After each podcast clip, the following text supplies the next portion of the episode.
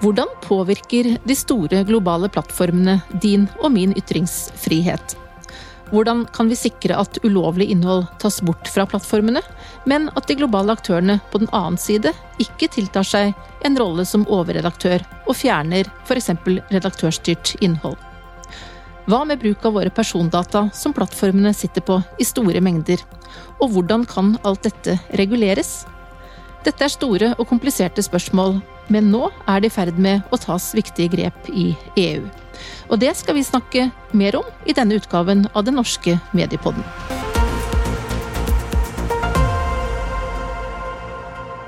Globale plattformer er blitt viktige portvoktere for ytringer, også i Norge. Samtidig legger vi forbrukere igjen store mengder data. Alt dette tvinger fram noen viktige spørsmål. Hvordan skal vi sikre at ulovlig innhold fjernes fra plattformene? Og hvordan sikre at viktig lovlig innhold og redaksjonelt innhold forblir der? Hvordan sørge for at flere av oss får bedre innsyn i plattformenes algoritmer, og kontroll med hvordan våre persondata brukes? Ingen av disse spørsmålene har dessverre enkle svar.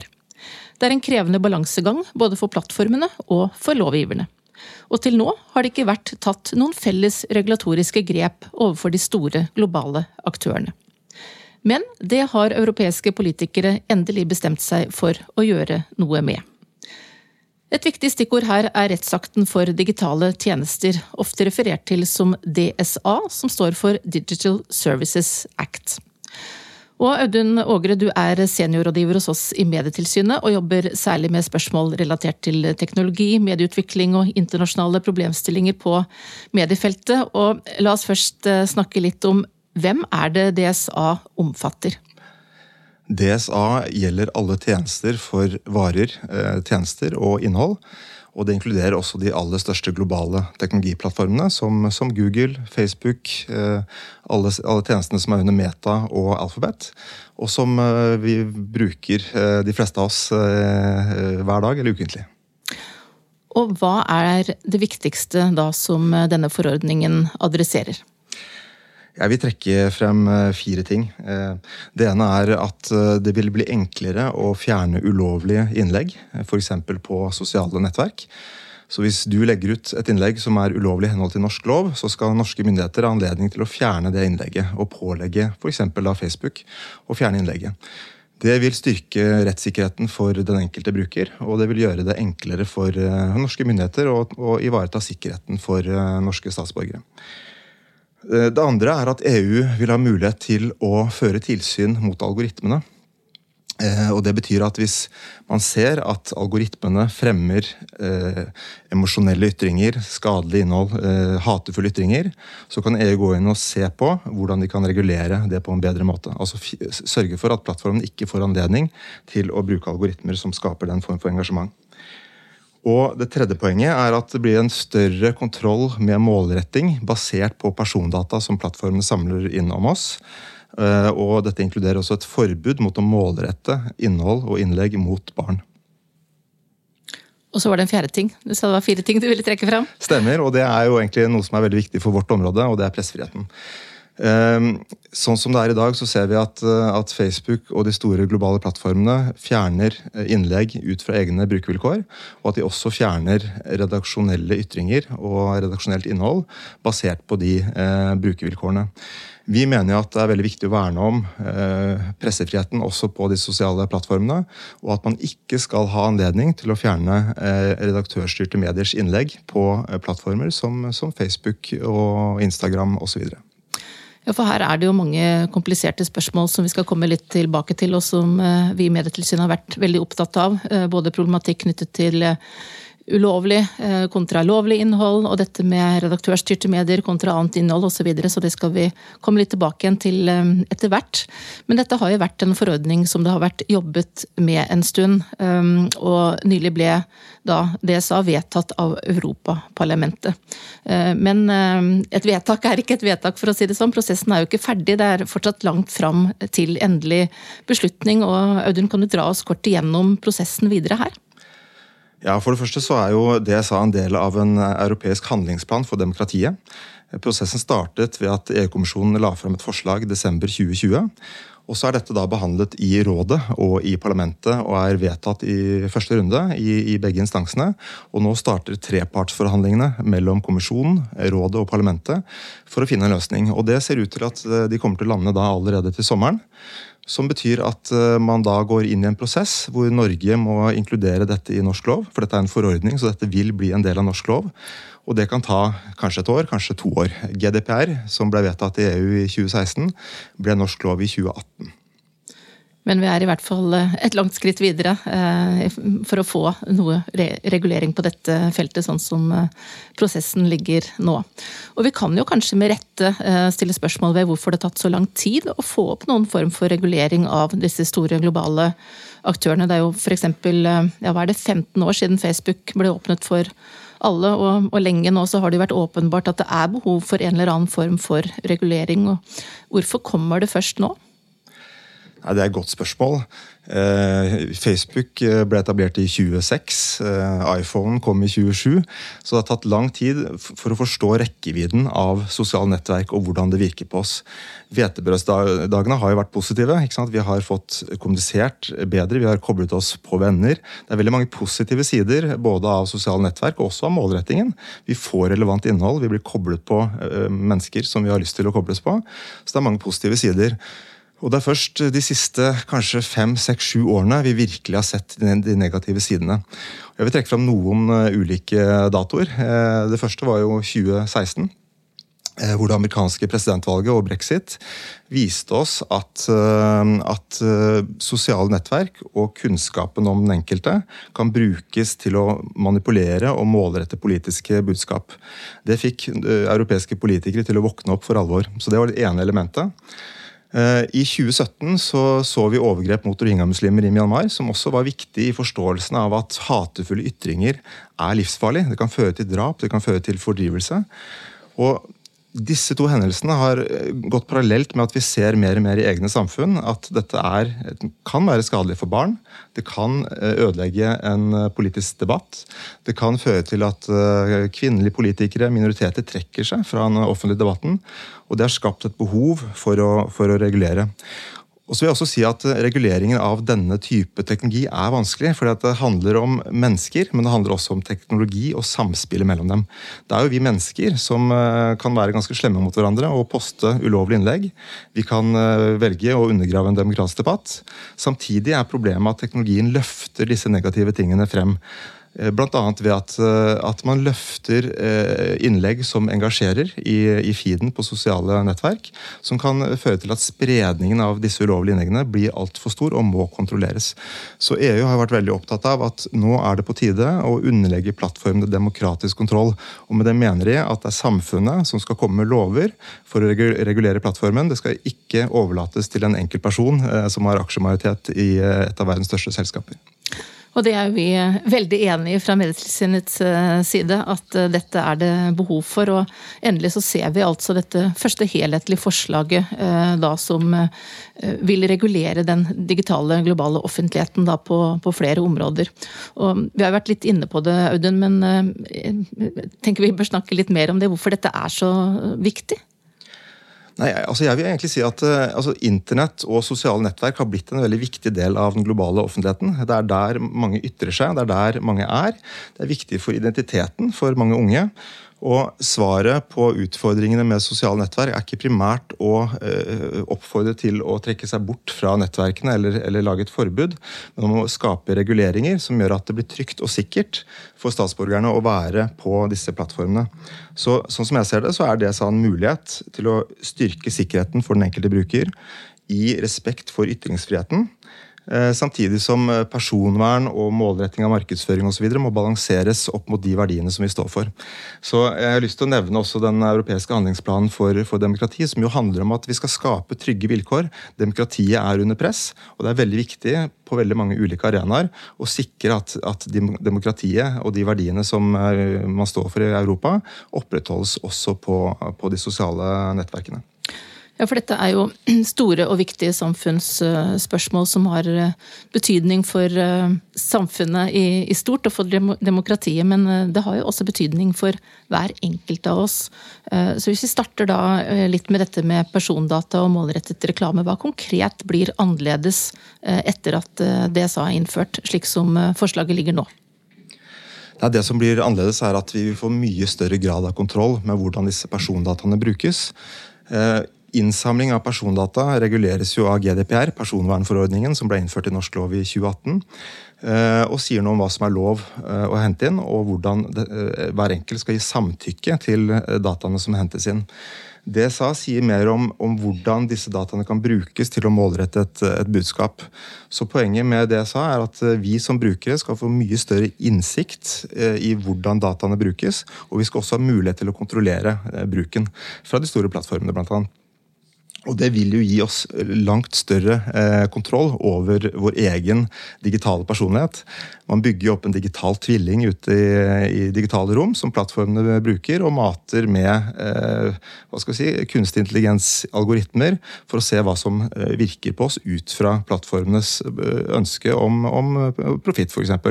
Sånn at eh, det er veldig viktig at vi får et mye sterkere vern og, og kontroll selv over hva slags data som brukes.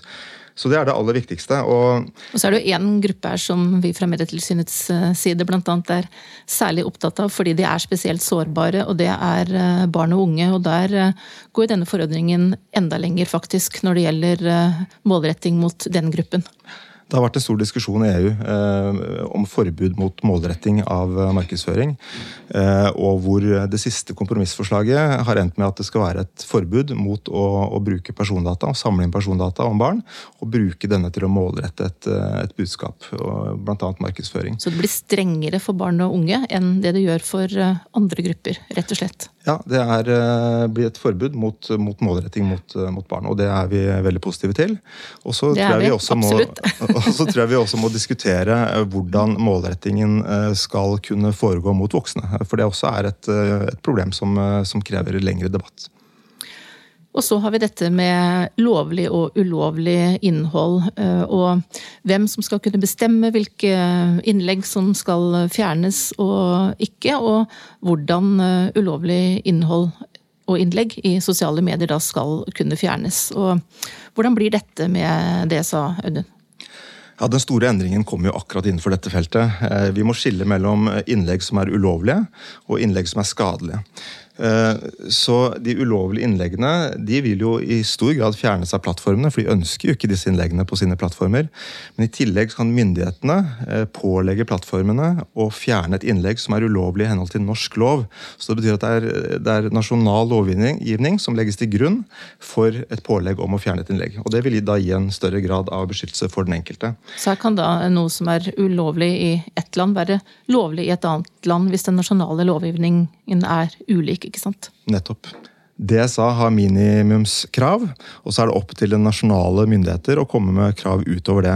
Men det er helt riktig at DSA åpner for at eh, nasjonale myndigheter skal kunne pålegge å fjerne innlegg som er ulovlig i henhold til nasjonal lovgivning.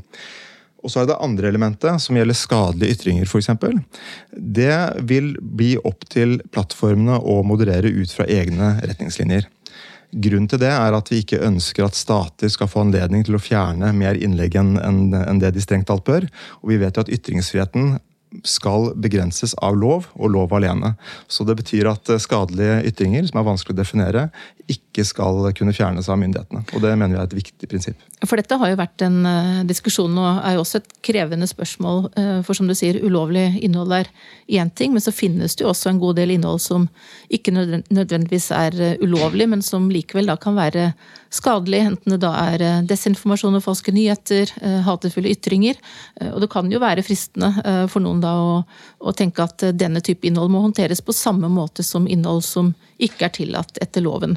Det har vi fra Medietilsynets side vært eh, negative til, og det er det heldigvis da ikke lagt eh, opp til eh, i DSA. Men det er jo et område her da, Audun, som ikke er helt løst heller, for dette er jo en utfordring med denne type innhold, selv om det ikke bør være forbudt av hensyn til ytringsfriheten. Ja, helt klart. Og vi vet at skadelige ytringer kan ramme den enkelte på en forferdelig måte eh, for, f.eks. for, eh, for barn og unge. Vi har gjort en undersøkelse nylig som, som, viser hvor utsatt spesielt den yngre gruppen er for denne form for, for innlegg. Og det er en uting som vi må adressere på et vis. Men i det jeg sa, så er, så er ikke det rett instans. Eh, det må heller møtes med eh, forståelse av eh, ytringsansvar, med kritisk medieforståelse. Hvor man skjønner hva en, en skadelig ytring kan bety for den enkelte. Eh, så eh, ytringsfriheten skal jo da eh, begrenses av lov. Og det er et prinsipp i Norge at vi skal kunne tåle ganske mye av hverandre når det gjelder ytringer, og det er veldig viktig å verne om. Og, og jeg syns det var interessant å lese vår egen rapport, hvor ungdommene selv sa at man må kanskje ha litt tykk hud for å være på sosiale nettverk. For veldig mange av de har opplevd å bli utsatt for skadelige ytringer, og de aller fleste av de sier at det går ut over selvtilliten. Så det er klart vi må finne måter å adressere dette på som ligger utenfor det jeg sa. Når det gjelder dette med ulovlig innhold, hvordan er det tenkt at det da i praksis skal følges opp når vi får Digital Services Act? I det sa så er prinsippet om at eh, plattformene først er pålagt å fjerne et innlegg når de, når de er eh, gjort kjent med at det er ulovlig innlegg på, på, disse plattformene. Og Det som blir viktig i den sammenheng er å lage et varslingssystem for hvordan brukere også kan varsle ulovlig innlegg. Så DSA legger opp til at uh, plattformene skal ha et varslingssystem. og De skal behandle varslene som kommer fra, fra brukere. Hvem som helst, egentlig. Fra, fra hvem som helst. Ja. I tillegg så vil det legges opp til et system med sertifiserte varslere. og Disse varslene skal eh, prioriteres høyt hos eh, plattformene. Og Denne ordningen skal da eh, etterses av en koordinatormekanisme, som er da en digital tjenestekoordinator, som det heter i DSA, som skal legges til hvert enkelt land. Så her blir det en et nasjonalt system rett og slett for å sørge for at dette følges opp i praksis, selv om det er globale aktører som vi snakker om her? En av utfordringene med plattformene er at det har vært altfor lang avstand mellom bruker og plattform i USA. gjerne, Og DSA ønsker å gjøre noe med det. Eh, og Derfor så, så, vil jo da et ulovlig innlegg være ulovlig i henhold til nasjonal lovgivning. Men det betyr også at brukerne i større grad skal kunne varsle eh, plattformen, og plattformen da følge opp. Og de som har et overoppsyn med dette. Det er en, en koordinatormekanisme. Eh, koordinatorer for digitale tjenester. Som eh, vil sørge for at myndigheter ikke tar ned for mye eh, ulovlig innlegg. De vil sørge for at plattformene skal følge opp varslene som kommer fra brukere, også fra eh, disse sertifiserte varslerne. Og de vil også sørge for at man arbeider bilateralt der det er nødvendig, hvis f.eks. et innlegg inkluderer flere personer fra flere ulike land og hvordan en sånn eh, nasjonal koordinatorfunksjon skal være, og, og, hvem som skal gjøre det, det er det jo for tidlig å si noe om ennå. Så det blir det jo en eh, prosess på da, eh, i hvert enkelt land, etter at denne forordningen da er på plass. Det sa setter rammene for hva denne koordinatormekanismen skal være, men det er opp til hvert enkelt land å designe mekanismen, så det er for tidlig å si, og kommer til å bli en, en viktig prosess i Norge fremover. Og så har vi fra Medietilsynets side også vært opptatt av å få et unntak for redaktørstyrte medier. Eh, det har jo mediene selv eh, også vært, naturlig nok. Eh, det vil si at innhold som er lovlig og som er publisert av redaktørstyrte medier, ikke kan fjernes, verken av plattformene eller av myndighetene. Um, og slik som vi ser det, så er jo dette et viktig ytringsfrihetsspørsmål, men dette er det da dessverre ikke tatt høyde for eh, i DSA, eh, slik vedtaket nå ligger eh, fra Europaparlamentets side. Og Audun Ågre, hvorfor har det vært motstand mot dette i prosessen så langt? Først må jeg si at I tolvte time så kom det inn et forslag til artikkel 12 i DSA. Om altså Det ble jo bedre enn det kunne blitt her? faktisk. Det ble absolutt bedre enn det kunne blitt, fordi at eh, plattformene pålegges å skrive inn i brukervilkårene at de skal beskytte pressefriheten. og Det er veldig viktig. Det er et godt utgangspunkt. Men det er klart vi ønsket at, eh, at EU skulle gå lenger, fordi vi mener at redaksjonelt innhold er uhyre viktig på disse plattformene. Plattformene har blitt portvoktere for informasjon, og det betyr at de er en viktig del av, av infrastrukturen for informasjon i, i Norge. Og Det betyr at det hadde vært et tap for befolkningen i Norge dersom ikke redaksjonelt innhold var tilgjengelig på, på plattformene.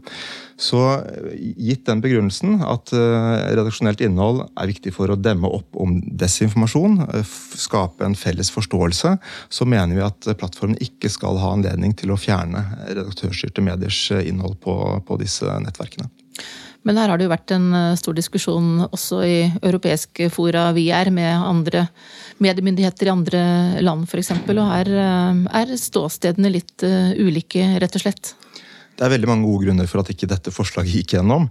Bekymringen har handlet om at et unntak for redaktørstyrte medier kan misbrukes. Vi kan tenke oss at eh, en gruppe mennesker som ønsker å spre desinformasjon, etablerer en eh, slags eh, redaksjon og prøver å få et unntak for å, for å kunne spre den desinformasjonen. Det er noe man ikke ønsker. Et annet eksempel er at, at vi ser at land som ikke er i EU, kjøper opp medievirksomheter nettopp for å bruke det som en plattform for å spre propaganda og desinformasjon informasjon. Det er to ting som er veldig uheldige, og en bekymring som, som vi deler i, i Medtilsynet. Men vi mener samtidig at, at, det går an å finne løsninger.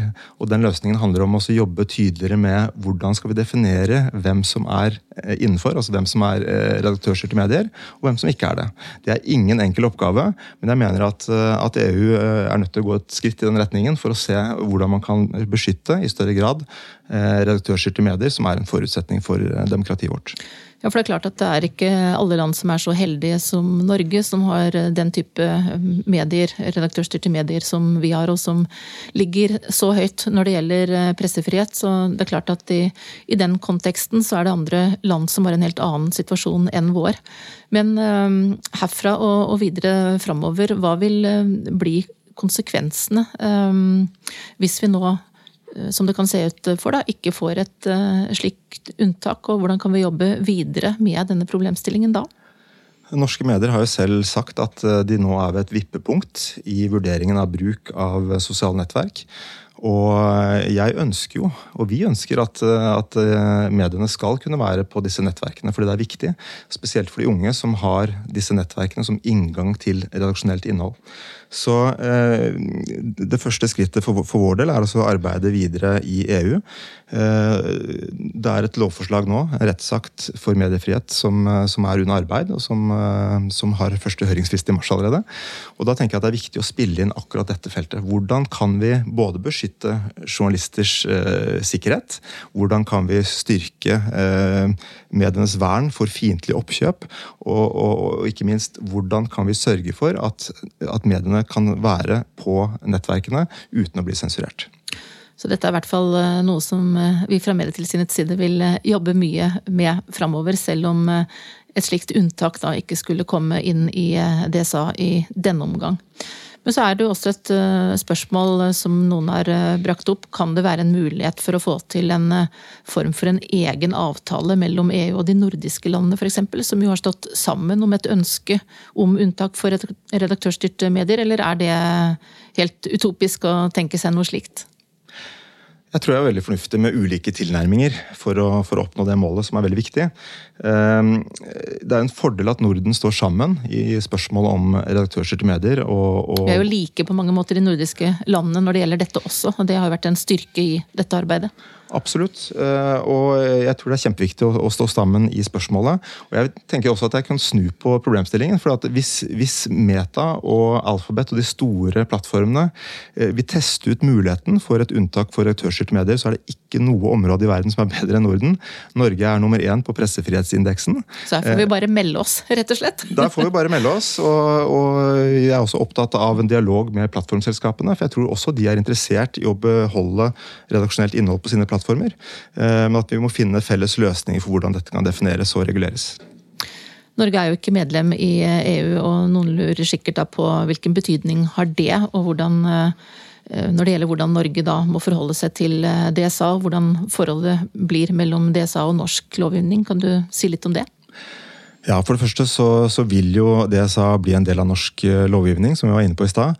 I tillegg så er DSA eh, en, et minimumskrav. så Det betyr at hvis Norge har eh, lovverk som går i dybden, som er spesialiserte lover, f.eks. på mediefeltet, så er det fullt mulig å, å integrere da disse to ulike lovene, og at man kan opprettholde en, en, strengere vern i Norge for for f.eks.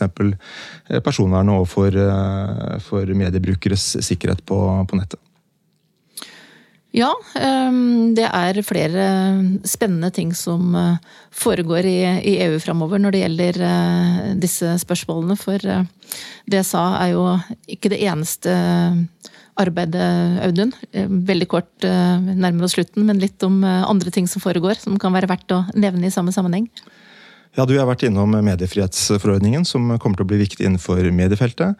Vi har en rettsakt for kunstig intelligens, som kommer til å, å, bli svært viktig, også med tanke på å regulere hvordan man kan bruke algoritmer til å målrette innhold. Men eh, rettsakten for digitale markeder tenker jeg er eh, aller viktigst. Og det handler jo om en regulering av de aller største globale aktørene, eh, teknologigigantene. Og hvordan man skal hindre disse store eh, selskapene, som har fått monopol innen sine områder, på å misbruke denne makten muligheten å, å utkonkurrere andre gode initiativer for, eh, for innhold. Den får vi snakke mer om i en eh, annen podkast. I sum tror jeg i hvert fall vi må kunne si at eh, vi er på riktig vei når det gjelder å i større grad få en regulering av de globale teknologiplattformene, til beste både for samfunnsutviklingen, demokratiet og den enkelte av oss. Med det takker vi for eh, oss i dag. Audun eh, Ågre som er seniorrådgiver, og jeg, Mari Welsand, som er direktør i Medietilsynet. Eh, og du har da hørt på Den norske mediepodden. Vi ønsker på gjenhør.